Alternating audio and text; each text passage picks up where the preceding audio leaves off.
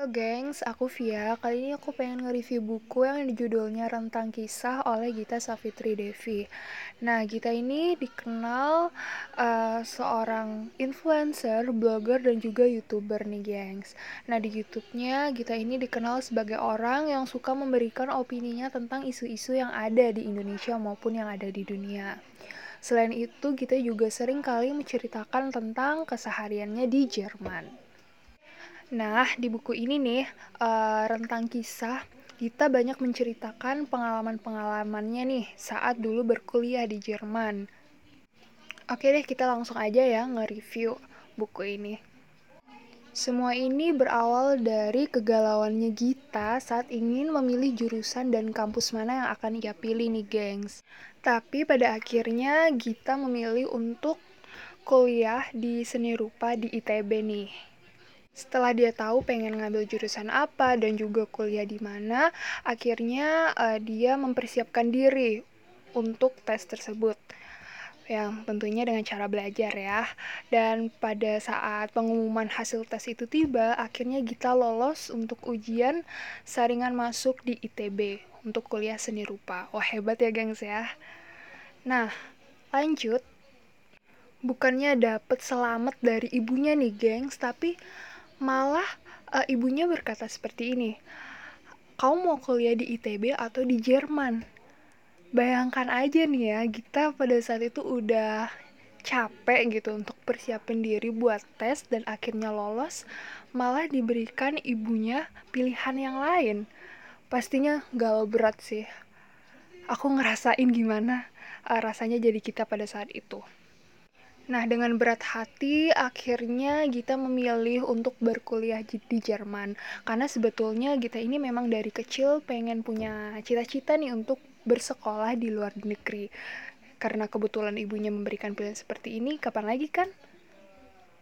Nah, setelah uh, Gita memilih untuk berkuliah di Jerman, ada sesuatu yang bikin kegalauannya Gita ini makin bertambah, yaitu ternyata ternyata jika usianya di bawah 18 tahun, birokrasi yang ada di Jerman itu bakalan ribet.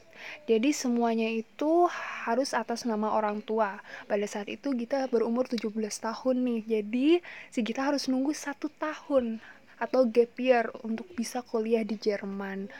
Wah, bayangin tuh ya. Gimana galaunya si Gita.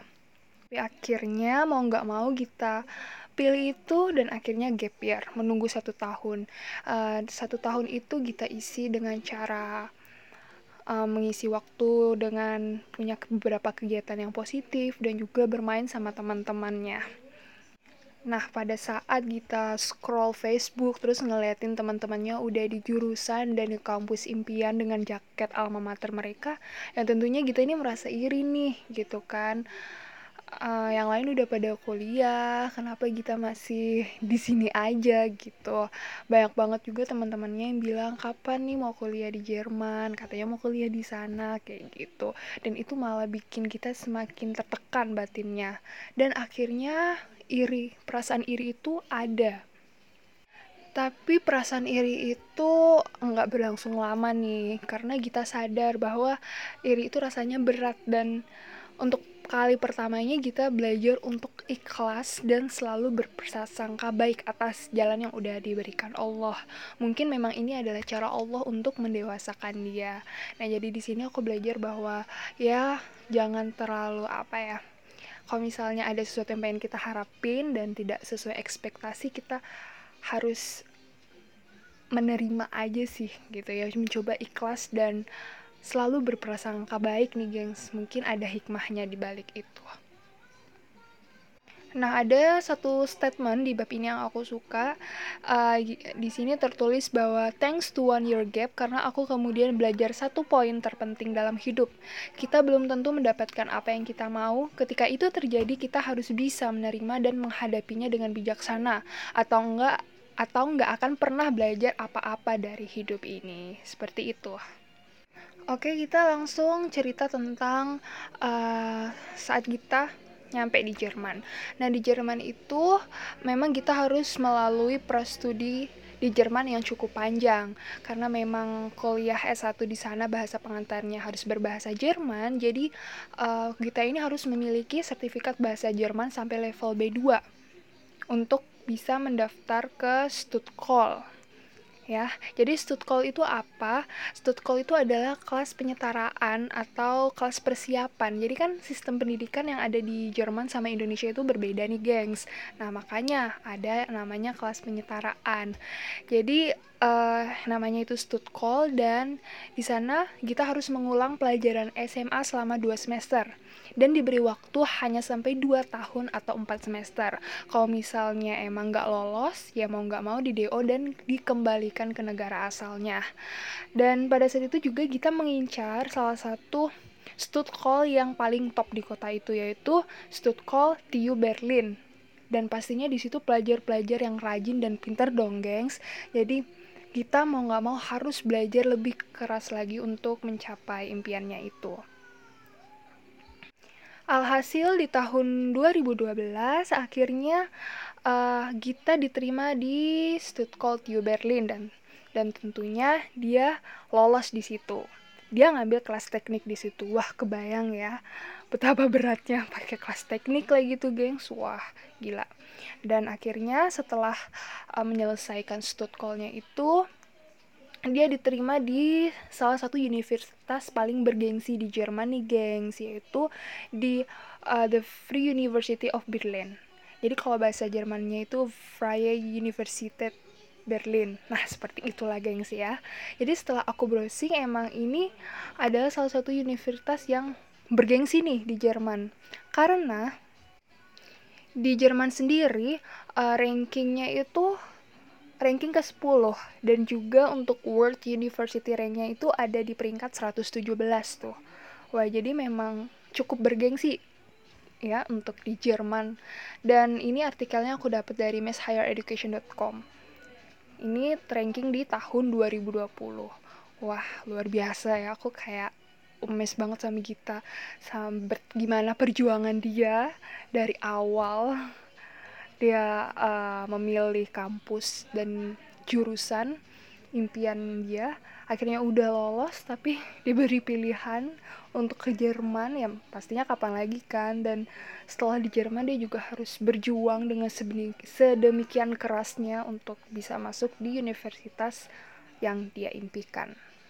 Di sini juga ada statement yang aku suka uh, Aku yakin buah yang manis nggak akan bisa didapat tanpa usaha yang maksimal. Jadi geng sekalian kalau ada impian, kalian usahain dengan maksimal. Nggak usah apa ya dikit-dikit menyerah gitu. Ya mungkin istirahat dulu kali ya gitu capek mengejar impian nggak apa-apa tapi jangan berhenti. Pelan-pelan kalian harus kejar impian itu dan tetap terus berusaha. Oke, next selanjutnya uh, lebih banyak cerita tentang teman hidupnya Gita yang sekarang sudah menjadi suaminya yaitu Paul. Nah, jadi berawal dari kisah uh, Gita yang sedang patah hati waktu itu dan akhirnya mau nggak mau harus move on dong habis patah hati. Nah, dalam proses move on di itu dia ketemu sama Paul nih.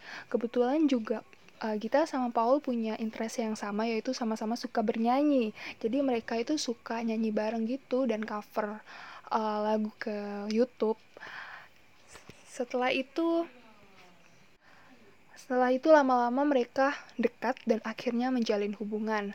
Tapi di sini ada masalah nih karena mereka berdua itu beda agama. Jadi kalau kita itu muslim, pasangannya itu non muslim ya, yang Paul. Awalnya memang berat gitu bagi kita.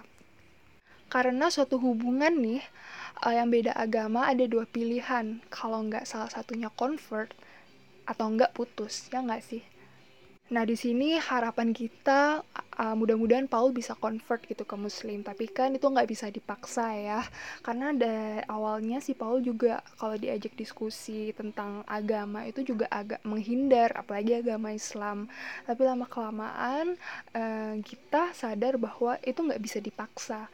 Hanya Allah lah yang bisa memberikan kuasa atau hidayahnya kepada Paul dan akhirnya setiap beribadah habis sholat uh, kita memohon untuk dibukakanlah uh, pintu hati dan diberi hidayah oleh Allah untuk bisa memeluk agama Islam itu.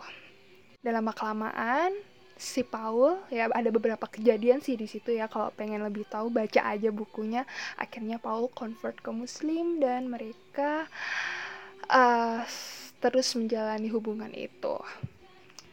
Oke, okay, uh, overall itu sih ya review bukunya dan di situ juga ada beberapa pesan sih uh, dari blognya yang menurut aku menarik seperti life is not a race. Jadi kita hidup tuh bukan balapan, kita nggak balap-balapan sama orang lain di sini diceritain. Kemudian juga bagaimana rasanya menjadi seorang muslim yang minoritas di negara lain kayak gitu apakah didiskriminasi atau tidak dan ternyata di Jerman itu mereka orang Jerman sangat menghargai dan orang muslim di sana itu aman dan tidak didiskriminasi. Kan banyak tuh orang-orang beranggapan bahwa wah kalau di negeri yang uh, minoritasnya muslim ya apalagi negara itu kebanyakan non muslim pasti mikirnya pasti nggak aman nih atau apa padahal enggak kayak gitu.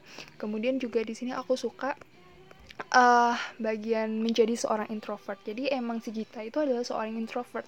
Tapi di sini kita bisa mempo memposisikan dirinya untuk apa ya? keluar dari zona nyamannya. Jadi terkadang introvert itu kan identik dengan kayak dia menyendiri lebih suka melakukan apa pun sendiri. Tapi memang di saat-saat tertentu introvert itu juga bisa loh gitu uh, bersosialisasi apa bersosialisasi sama orang lain.